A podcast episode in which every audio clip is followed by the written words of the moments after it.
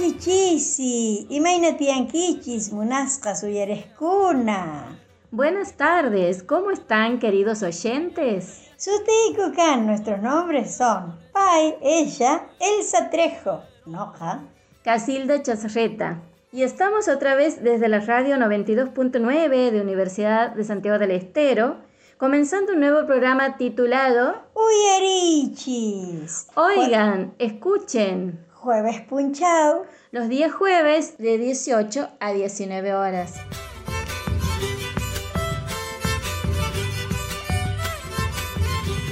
Dejar un rastro en la vida son pretensiones del hombre, si no ha logrado que su nombre quede en el tiempo grabado, porque solo ha edificado rancho de paja y adobe.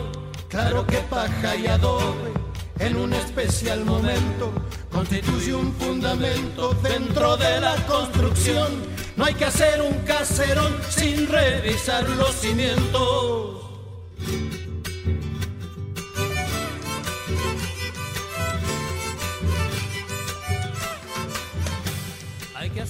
Y achaches el Trejo, cutis. Aquí estamos en una nueva edición de nuestro programa Uyerichis. Oigan, escuchen. Aria. Y ya viene sentando precedente en eh, la emisora 92.9 Radio Universidad. Santiago del Estero Sí.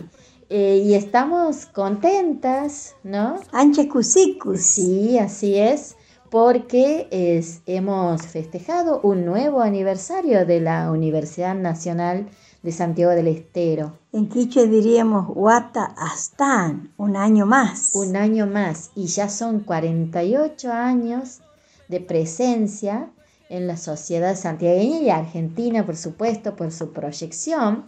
Claro. Eh, porque fue fundada un 10 de mayo de 1973.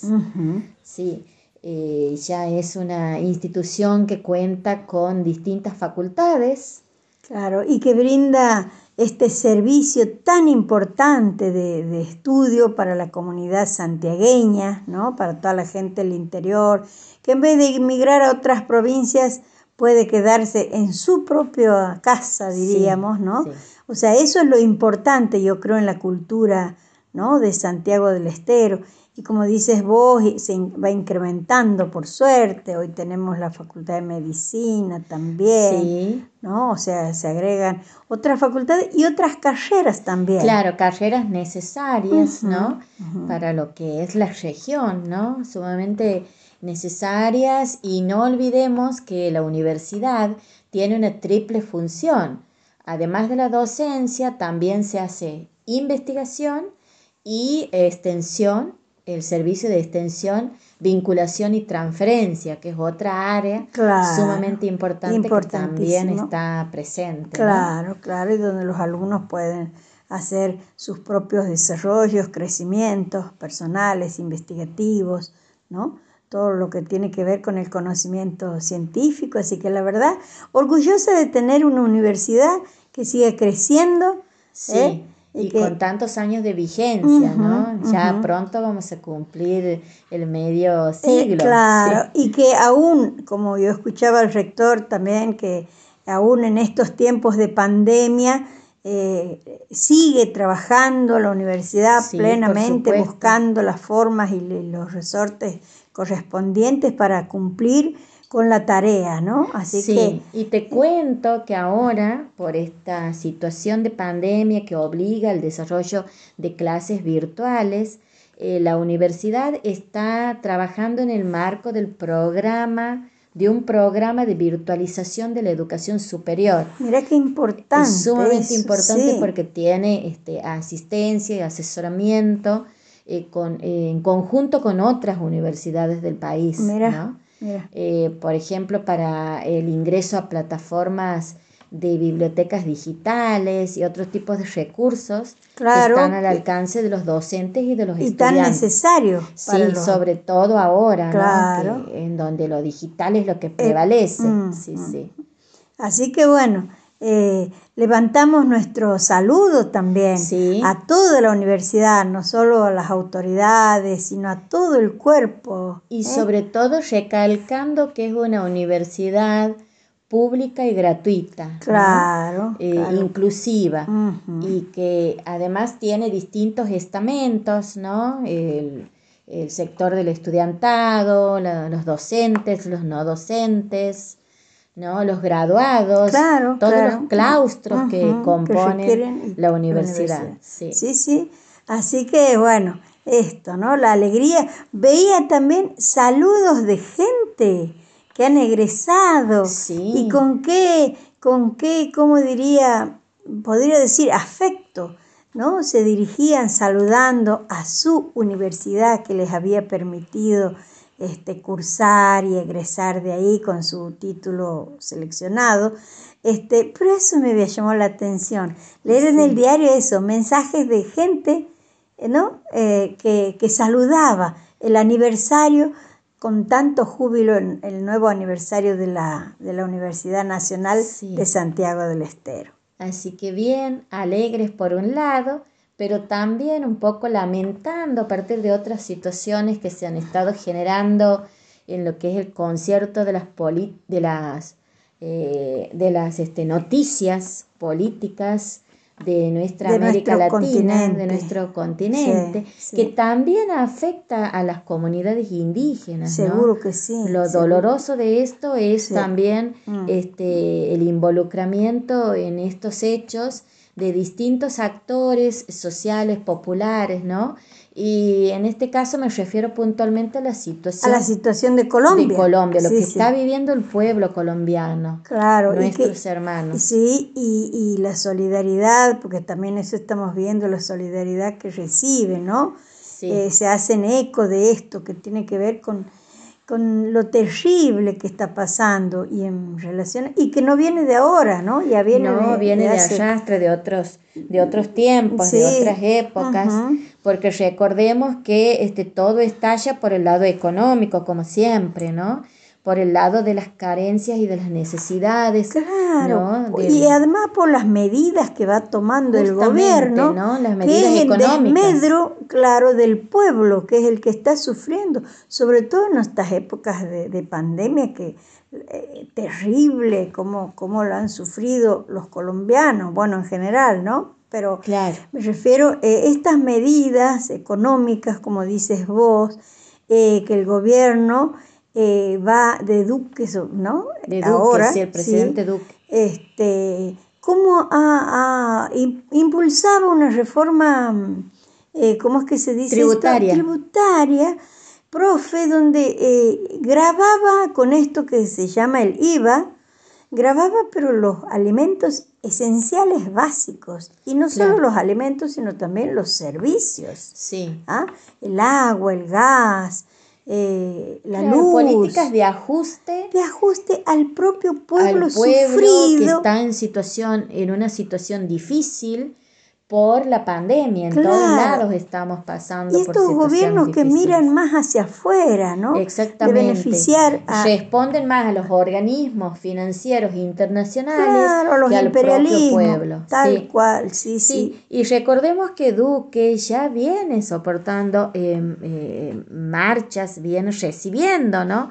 multitudinarias, eh, eh, multitudinarios reclamos, mm. ¿no? Desde 2019 eh, y lo que se destaca es la brutalidad policial. La represión. La represión. La represión feroz y eso es lo que nosotros repudiamos, ¿no? Sí, y que Colombia ya tiene una larga y triste tradición de eh, actuación de las fuerzas parapoliciales, mm, ¿no? Sí, sí, sí. Eh, ahí se da lugar este famoso concepto de falso positivo, como de mm. poner a alguien como un supuesto subversivo y a partir de ahí la persecución y todo lo demás y la represión. Porque la verdad que ha sido terrible, ¿no? Ahora con este paro de fin de abril. El 28 ¿Ah? de abril hubo un poderoso paro nacional, ¿no?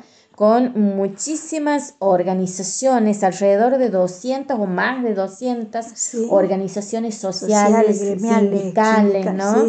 Eh, populares, y eso derivó en una crisis que trajo consigo esta represión violenta que ha sido totalmente repudiada a nivel mundial, mm, ¿no? Así este, Todos los organismos de derechos humanos del mundo se han, hecho eco, se han hecho eco y han hecho protestas, eh, han hecho oír su voz al respecto. El epicentro ha sido en la ciudad de Cali, ¿no? Ahí ha sido el lugar en donde se ha, se ha dado más fuerte la, el reclamo y se calcula que hasta esta fecha que estamos grabando el programa ha habido alrededor de 47 personas eh, muertas, eh, asesinadas, ¿no? víctimas. Mm, y eso es lo que, lo que dicen la, la, la ¿cómo se dice? Lo, lo, oficial, la información oficial, anda a saber sí, también. también, ¿no? también, ¿qué pasará? A veces, este, a veces no se dice lo que efectivamente pasa, la prensa también, ¿no? Juega ahí un papel. Sí, pero más allá del número hay mm. una situación de abuso y de excesos de, las fuerzas policiales, militares, paramilitares, ¿no? y de eh, criminalización. De la protesta, sí, sí, también. Así eh, hasta eh, se habla de abusos sexuales también. También de violaciones, sí, sí, sí. a la juventud que bueno, está todo, todo, sí, sí, sí, es terrible lo que está pasando en Colombia, por eso eh, decimos nosotros, ¿no? También que repudiamos todos esos excesos y nos solidarizamos con el pueblo de, de Colombia que está sufriendo esto, ¿no? Sí, sí. Así que, bueno, ¿te parece que vamos a un tema musical? Sí, vamos a un corte y luego volvemos. Dale.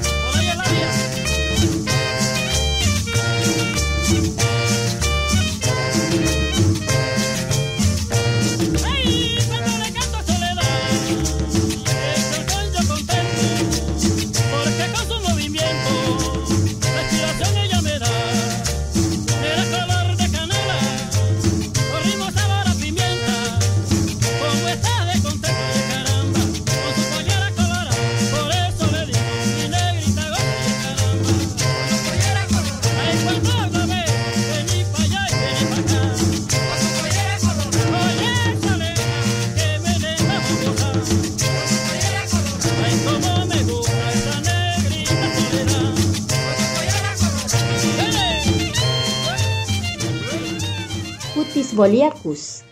Eso, Gustavo Volviendo otra vez, dice la profe Trejo. Y es así. Estamos en el aprendizaje del quichua. Perfecto, me encanta. Bien, ahora vamos a el tradicional cuento, es decir, la narración que claro, elegimos para matizar el programa, ¿no? Y disfrutar de la literatura oral de nuestra cultura quichua. Chainacan, así es. Y esta vez tomamos del libro Sisa Payana, que es una antología de textos quichuas santiagueños elaborada por Mario Cayetano Tevez, eh, ya fallecido, oriundo de Pozo del Castaño. Ah, Figueroa. Y Atila Karlovich, un amigo nuestro colombiano, ¿no? Que lo Este, vamos a tener. que lo vamos a tener en una entrevista en especial para el programa. Este libro es de la editorial Eudeva, es decir, de la Universidad, de Buenos, Aires. Y el cuento se llama Uarmi Diabloan Apuestan. La apuesta del diablo con la mujer. Y cuentas Nisca Can. Florinda de Sayago y Elena de Leiva. Sí. Domingo Antonio Bravo Pae. Es el que registra bien la versión. Sí. Su Uarmi cara diablo. Vesticusa cara dos puncho ishka y punchausta. Entero cuerponta churacusa cara serat. Ishkay punchausta churacusa cara plumasta. Pabupa plumasta atashpaspa. Mana reaccionampaq diablo. Chayta ruwasakara warme diablota gananas. Diablo reaxispa pusahrisqa. Y manape mana. Mana yachasakara diabloqa. Mana yachasakara pusanaptin imachuskan. Diablo mati sakara yachayta. Maymantachuskan uyan, maymantachuskan wasan. Punchao entero, punchao maya chasakara diabloqa. Muyuspa cara y matis kasha warmita reqsis. Y na cumplicuptin plazun pusananpaq diablo iris na oración wishqaptin matisakara kayta diabloqa maymantachus kan uyan ni maymantachus kan wasa chaywan sufta toqyas mandakusakara mudayta ma atis warmita ganayta Bien, vamos a conocer la versión en castellano. Dice así, una mujer había sido muy pícara. Durante dos días se había vestido, se había puesto cera para todo, el- por todo el cuerpo y durante dos días se había puesto plumas de pavo y de gallina para que no la conozca el diablo. Ajá. Así había hecho la mujer queriendo ganarle una apuesta al diablo. Ah, ve. Si éste la conocía, iba a llevarla, y si no, no. Mm, Cuando el diablo quiso llevarla, no había sabido qué es, no había podido saber el diablo para dónde es la cara, ni para dónde el trasero. Claro, porque estaba tapada de plumas. Un día, un día entero, no había sabido el diablo. Le había dado vueltas y ni siquiera había podido reconocer a la mujer. Y cuando ya se cumplió el plazo para que la lleve el diablo, y cuando ya cerró la oración, no había podido el diablo descubrir por dónde es la cara y para dónde el trasero. Con eso, dando un reventón, se mandó a mudar, vencido, no pudiendo ganarle a la mujer. Eh, me encanta porque me ha sido picara, dice, ¿eh?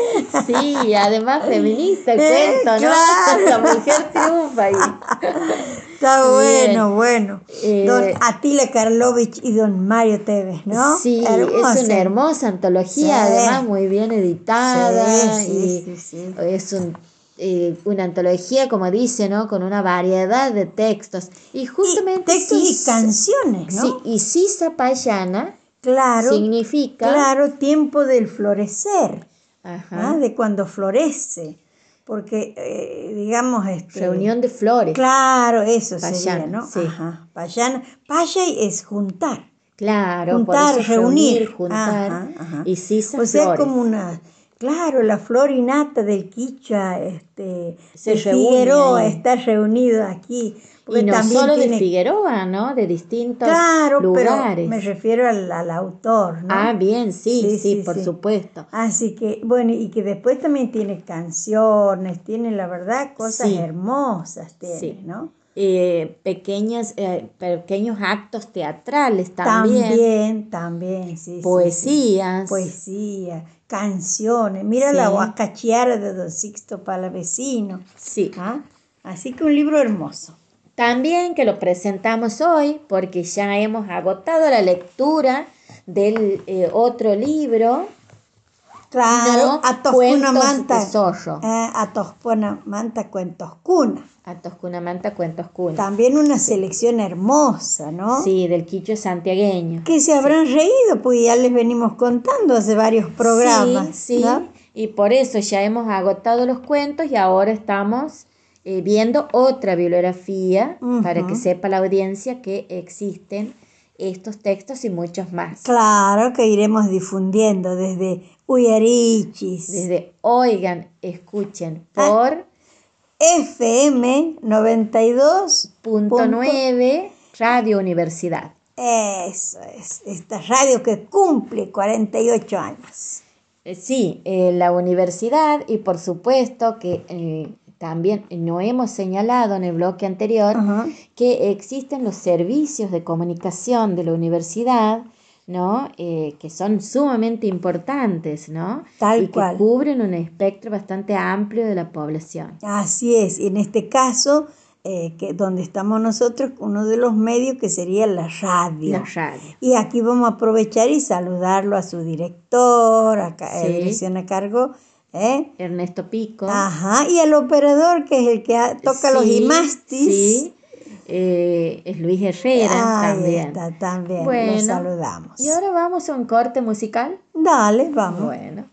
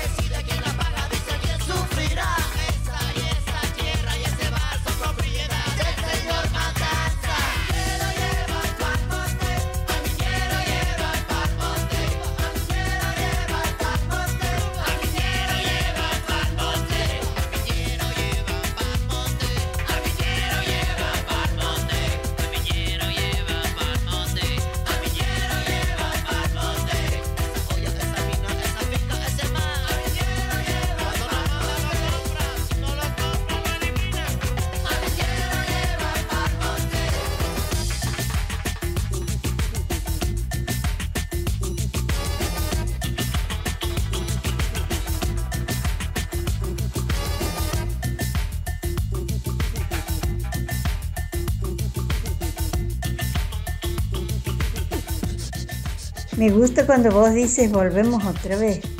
¿Vamos a decir? Claro, cutis. ¿eh? Cutis boliacus. Cuti Boliacus, Eh, el drama es acordarse. Ese es el asunto. Ya, no, Pero ya bueno, vendrá. vamos a ir Claro, claro. captando mejor. Eh, ¿Y estamos- entonces? ¿Dónde estamos, estamos? otra vez en la 92.9, ¿Mm? Radio Universidad, en nuestro programa. Uyerichis. Oigan, escuchen. Ajá, en otro bloque. Sí, Y aquí, eh, como vos bien vas programando y diagramando el programa, hay una entrevista. sí, hay una entrevista que le vamos a hacer a un colombiano, un hermano colombiano. Se trata de Atila Karlovich, quien nació en Bogotá en 1953. Ujú. Es doctor en filosofía por la Universidad de Zurich, pero vive en Argentina, más precisamente en la ciudad de Buenos Aires, desde 1984, donde, entre otras cosas, se ha, de- se ha dedicado al estudio y a la revalorización del quicho santiagueño. Justamente, Sí. ¿eh? sí, hemos podido, lo conocemos de muchas conferencias que han estado no solo en la universidad, en la, Feria, del Libro, sí, sí, sí. Este, y bueno, y siempre acompañando el, el trabajo con los Alderete Albarracín, ¿no? De ahí Sí. lo he conocido yo en realidad. Sí, con Gabriel también está, Toren, sí, claro, sí, también en esa traducción del, del libro de, de Sosa, del atamisqueño Sosa. Bien. Así que, eh, o sea, estamos hablando con alguien que habla fluidamente el quiche santiagueño. Sí. Lo hemos podido escuchar también cómo habla, ¿no? Bien, y los saludamos muy cordialmente. Y le decimos a Musca. Sí, bienvenido a nuestro programa. Eh, vamos a dar comienzo a la entrevista. Dale, Primera pregunta. dale, y vamos a preguntarle al Yachachej Atila Karlovich, eh, ¿qué podría él decirnos de este tremendo paro nacional en Colombia, justamente estas, estas jornadas ¿no? de, protesta y tan reprimidas en las principales ciudades de, de Colombia? Bueno, para entender lo que está pasando en Colombia, no está de más tener en cuenta algunos factores históricos y económicos. Colombia es el único país del continente cuya clase dirigente nunca cambió desde la colonia. No hubo ningún quiebre, solo cooptación individual de nuevos pertenecientes. Se trata pues de una sociedad tradicional dividida entre ricos y pobres, privilegiados y no privilegiados. Esto fue así por lo menos hasta los años 60, 70 del siglo pasado.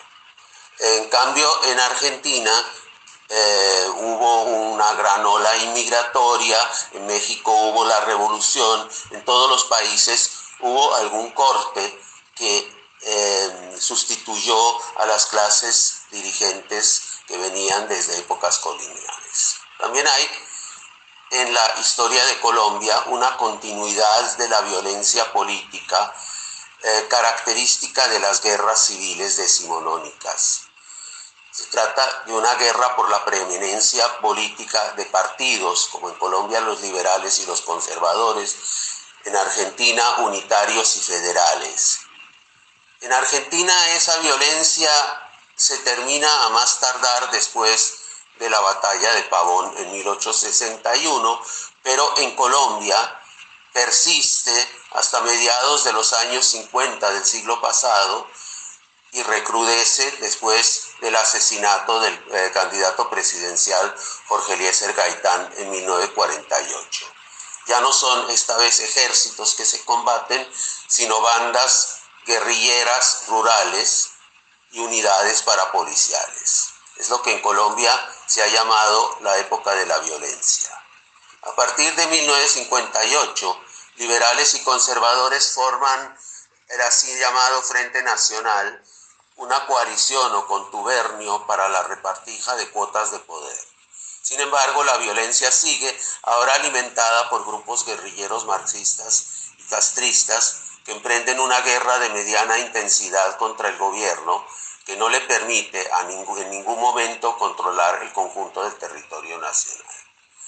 En los años 90 la guerrilla está cerca de una victoria militar, pero tiene que retroceder a partir del primer gobierno de Álvaro Uribe, que mantiene a raya la guerrilla, pero no logra vencerla. Colombia, hay que saber eso, también es un país ancestralmente pobre, donde aún los más ricos, hasta la segunda mitad del siglo XX, no llegaban a ricos en, en términos comparativos con otros países. El país toca el piso de su pobreza y escarnio en los primeros años del siglo XX, después de la Guerra de los Mil Días y la secesión de Panamá promovida por Estados Unidos. Sin embargo, todo el siglo XX, la economía colombiana crece sostenidamente, pero desde una base muy eh, baja, muy endeble, sobre todo entre las décadas del 60 hasta el 90, cuando se desestructura la vieja sociedad de ricos y pobres y se forma una eh, clase media cada vez más numerosa y sólida. Desde la década del 80 es notoria la incidencia del narcotráfico, que para el país significa sobre todo una cantidad inusitada de dinero, que en parte posibilita la formación de la clase media, pero por otra desencadena un proceso de descomposición social y ética que atañe todas las clases sociales, pero más que nada a la dirigente.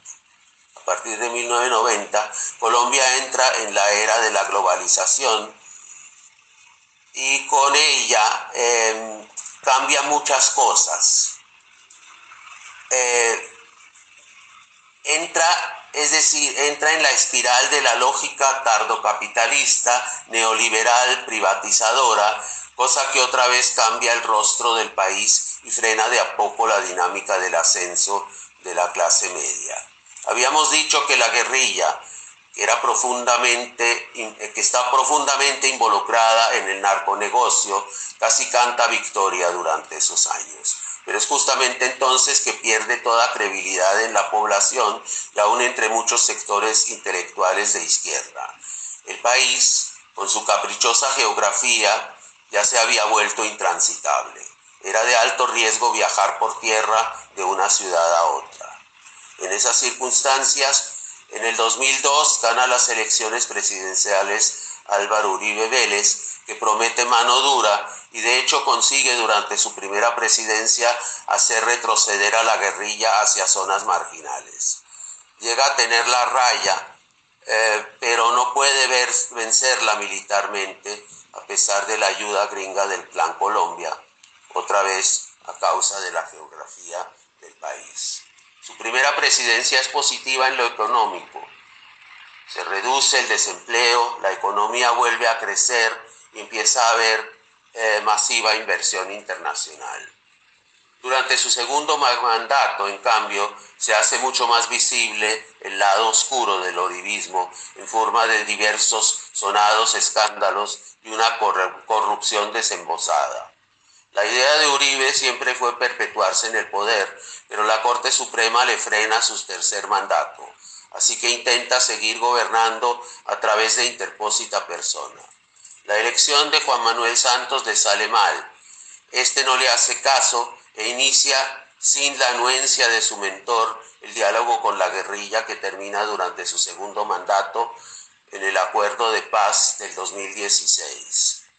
Este, sin duda, enorme logro se ve empañado por el fracaso del plebiscito, es decir, de la ratificación popular, y sobre todo por el saboteo del gobierno de su sucedor, Iván Duque, que es presidente a partir del 2018, con mandato hasta el 2022. Como Santos, Duque fue candidato elegido por Uribe y a este le salió como quería, frívolo, medio tonto y sobre todo sin ideas propias. La finalidad eh, principal de su presidencia eh, fue desde luego el comienzo, eh, desde luego, es decir, la finalidad principal de su presidencia fue desde el comienzo la zancadilla a la paz. Pero hay que decir que tampoco anduvo con suerte. Lo asedió una nueva recesión que se profundizó con la pandemia. Entonces las clases menos favorecidas empiezan a sentir la miseria y surge la protesta contra un gobierno que tolera los asesinatos selectivos contra líderes sociales.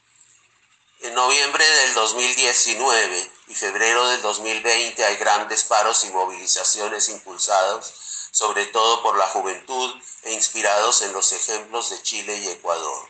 Se frenan por la pandemia. Pero cuando para colmo de males el gobierno, de la mano del ministro de Economía, Alberto Carrasquilla, promueve una reforma tributaria claramente regresiva, con aplicación del IVA a los productos de la canasta eh, familiar y gravámenes sobre los sueldos, incluso de la clase media baja, estalla nuevamente el descontento popular y se convoca un paro nacional para el 28 de abril. El eco es inesperadamente fuerte y hay multitudinarias y multisectoriales marchas en todo el país, pero sobre todo en las grandes ciudades, antes que cualquier otra en Cali, pero también en Bogotá y Medellín. El efecto es tan grande que el gobierno retira el proyecto y el ministro Carrasquilla renuncia. Esto, sin embargo, no alcanza para frenar la efervescencia social. El paro, de hecho, sigue y ya lleva casi dos semanas. Ahí estábamos escuchando entonces a Diachache Atila Karlovich. Y, y a Chache le, le, preguntaríamos nuevamente a usted como colombiano, ¿qué, ¿qué efecto, qué opina usted de esta tremenda represión de las fuerzas estatales para, para contrarrestar ¿no? esta, esta pueblada, como diríamos. Hay que decir que las manifestaciones han sido pacíficas en su abrumadora mayoría y que la represión por parte del Estado y sus fuerzas ha sido feroz y desconsiderada. En muchos casos, además, absolutamente gratuita, ya que eh, no encontraba ningún tipo de resistencia. Hay que tener dos cosas en cuenta. Primero, que hay un cuerpo policial especializado en este tema de la represión antidisturbios que se llama ESMAD. Esa tropa que es muy numerosa y no sirve para otra cosa, su finalidad, armamento y entrenamiento son para eso, reprimir violentamente. Difícil que les pidan que no hagan eso, para lo que están destinados y entrenados. El solo hecho de que exista el ESMAD muestra claramente que la protesta ciudadana es una hipótesis de conflicto que el gobierno colombiano tiene en cuenta al menos eh, desde 1999 cuando el cuerpo fue creado. Por otra parte, también se ha convocado al ejército para reprimir. Esto es muy problemático, sobre todo porque es anticonstitucional y por el particular cariz del ejército colombiano que viene acomplejado por no haber podido ganar la guerra contra las FARC, ni siquiera con apoyo paramilitar. El ejército colombiano, al contrario del argentino, nunca ha jugado un papel ponderante en la historia. Es más bien una institución considerada de segunda por la ciudadanía y por estas razones su resentimiento contra la, ciudad, contra la sociedad civil es muy grande. Tanto el ESMAD como el ejército, eh, de ellos se puede esperar cualquier cosa. Y de hecho es que estas cosas que se pueden esperar de ellos están sucediendo. Hay muertos, muchos muertos, y su número indudablemente se irá incrementando. Y hay miles de heridos. Todo esto no hacía falta desde la racionalidad.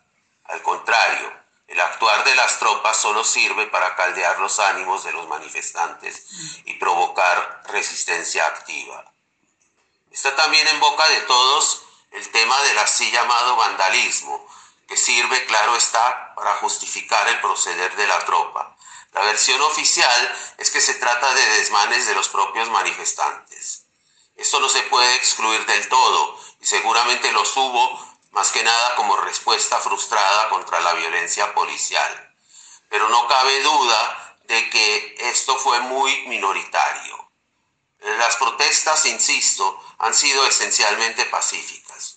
Los desmanes vienen en su gran mayoría de tres lados. Por una parte, de provocadores infiltrados por la propia policía, ya que esto les sirve como justificación. Hay pruebas clarísimas de esto. Por otra parte, y sobre todo cuando de saqueo de comercios se trata, el vandalismo proviene de bandas criminales profesionales o ad hoc que aprovechan el momento para hacer de las suyas. Tampoco se puede excluir que haya saqueos espontáneos por parte de gente necesitada y habitualmente sumida en su ancestral frustración. El contagio que ejerce el vandalismo es muy fuerte, se puede convertir en furor colectivo. Esto se ha visto en el Bogotazo de 1948, cuando el callado, paciente y siempre pacífico pueblo bogotano destruyó literalmente su ciudad. Esta explosión que de hecho no ha tenido lugar, sería en todo caso el escenario menos deseable. En los últimos días ha aparecido una nueva variante de represión, la de justicieros autoproclamados que echan balas desde camionetas de alta gama sobre manifestantes. Esta privatización del conflicto tiene tradición en Colombia. El paramilitarismo fue su máxima expresión. Las fuerzas del orden en todo caso actúan porque el gobierno las manda. Son instrumentos de una voluntad que a esta altura solo puede considerarse como criminal. La prensa nacional, la radio y la televisión, mayoritariamente gobiernistas, no reflejan adecuadamente este hecho. Sí lo hace la prensa extranjera y los claros pronunciamientos de entidades como Human Rights Watch, la Unión Europea y la ONU. También se ha expresado el copresidente de la Comisión de Derechos Humanos de la Cámara de Representantes de los Estados Unidos, que a raíz de los hechos de Marras ha pedido a su gobierno suspender la ayuda militar a Colombia. Bien, es muy claro el panorama que nos está brindando y sabemos, por otro lado, la censura que se ejerce desde la prensa eh, para lo cual eh, los manifestantes han recurrido a las redes sociales como espacios activos ¿no? que visibilizan los hechos, estos hechos represivos y ponen de manifiesto los reclamos, ¿no? los auténticos reclamos. ¿Cómo ve usted a la distancia? ¿Cómo se, eh, se puede aportar desde la lejanía a los sucesos? ¿Consideras que hay alguna forma de aportar? Eh, ustedes como, como ciudadanos que se encuentran en otros lugares del mundo? Internet es sin duda uno de los campos de batalla más representativos de esta contienda. Ya señalé que la prensa y televisión colombiana están prácticamente alineadas con el gobierno. La televisión, es decir, las cadenas RCN y Caracol, desde siempre. La prensa crecientemente en los últimos cinco años el mayor diario colombiano El Tiempo y la revista política más influyente Semana han sido comprados por sendos magnates pertenecientes a la derecha dura y pura. Muchos de los periodistas más importantes e influyentes fueron echados o se han ido. El periodismo independiente ya en estos momentos se hace en Internet. Hay portales como el de la gran periodista María Jimena Duzán o los Danieles, donde colaboran Daniel Coronel y los Daniel Pisano, padre e hijo. Todos ellos escribían hasta hace un año o dos en el tiempo y en semana. Además, hay multitud de bloggers, en su mayoría jóvenes y todos antigubernamentales, que comentan cada uno en su tono particular sobre lo que sucede, desde la seriedad y el tono grave hasta la nota satírica un campo de enorme creatividad en todo caso. Y también arden las redes sociales, desde luego.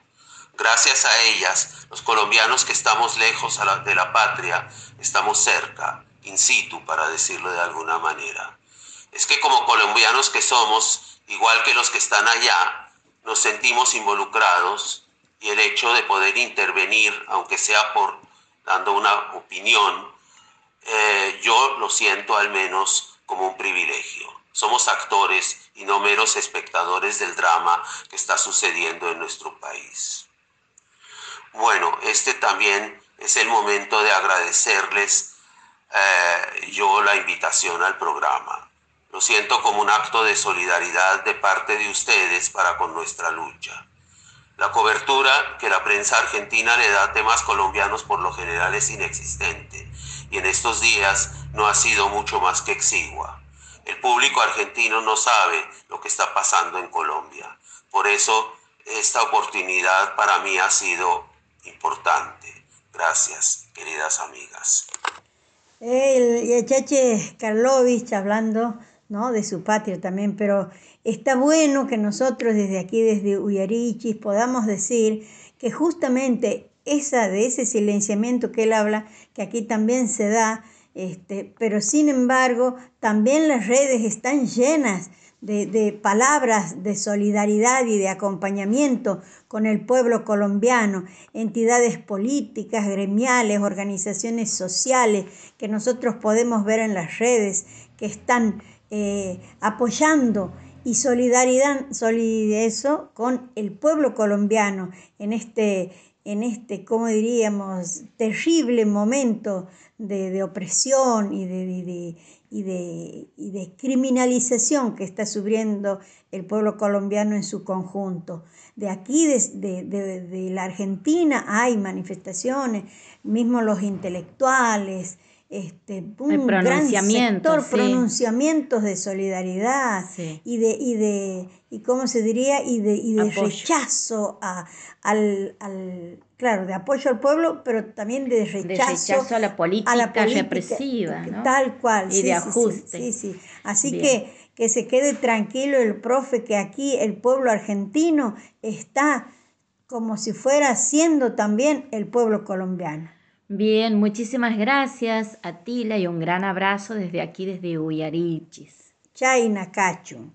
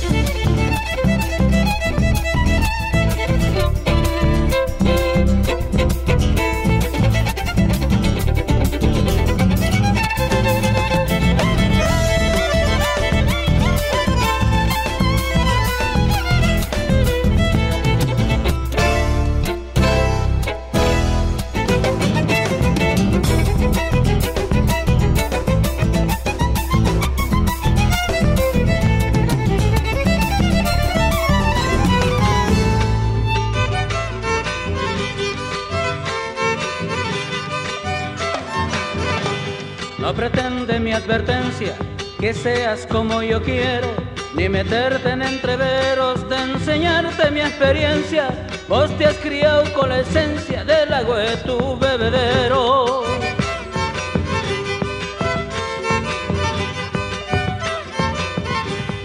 La vida es una doctrina, el mundo entero su templo, y encontrarás con el tiempo. Únanse, ¿m? cada programa pi, en este programa, Hemos escuchado ajá, Uyareraiku. Hemos escuchado Uyareraiku. Nosotros hemos escuchado.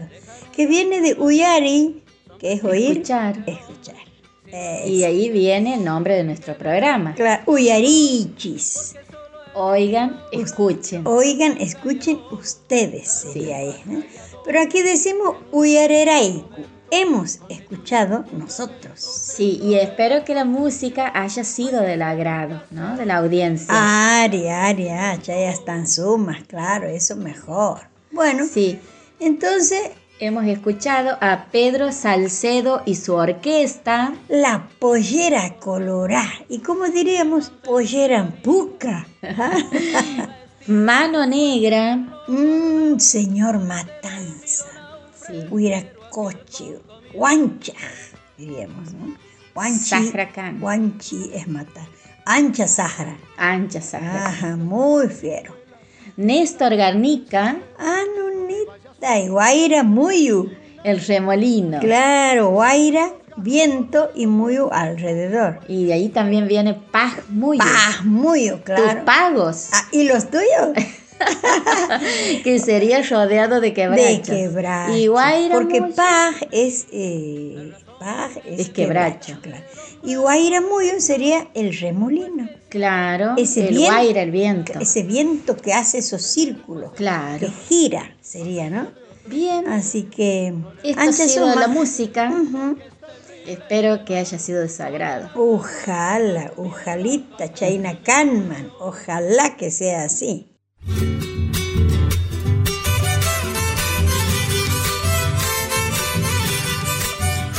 Tucucora. Terminó, llegamos al final del programa, de nuestro programa. Oyerichis. Oigan, escuchen. Jueves Camacachun. Será hasta el próximo jueves de 18 a 19 horas. Adiós. Ah, Ari, Ari. La vida es una doctrina, el mundo entero su templo, y encontrarás con el tiempo tu saber bien madurado. Será cuando has pronunciado la frase justa de ejemplo.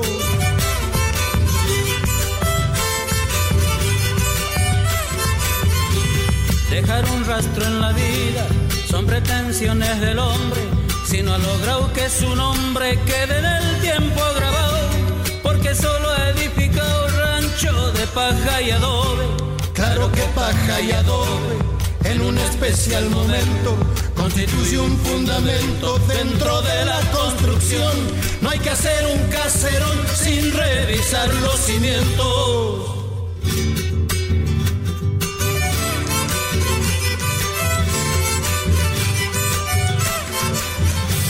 Hay que hacer bordado prolijo en el mantel de la vida, pero no para la estiva y después tenerlo guardado. A mantel almidonado prefiero aquel con comida.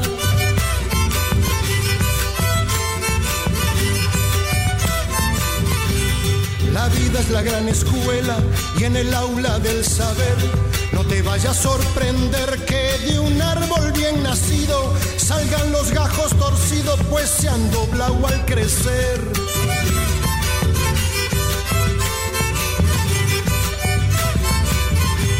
No vale la ostentación, la arrogancia desmedida, la razón bien entendida del hombre mejor pensado. Es después que se ha adentrado recién buscar la salida. Tener paz es relativo a pesar de otros criterios. No le busques el remedio porque es terrible este mal. No hallarás la paz total ni en la paz del cementerio.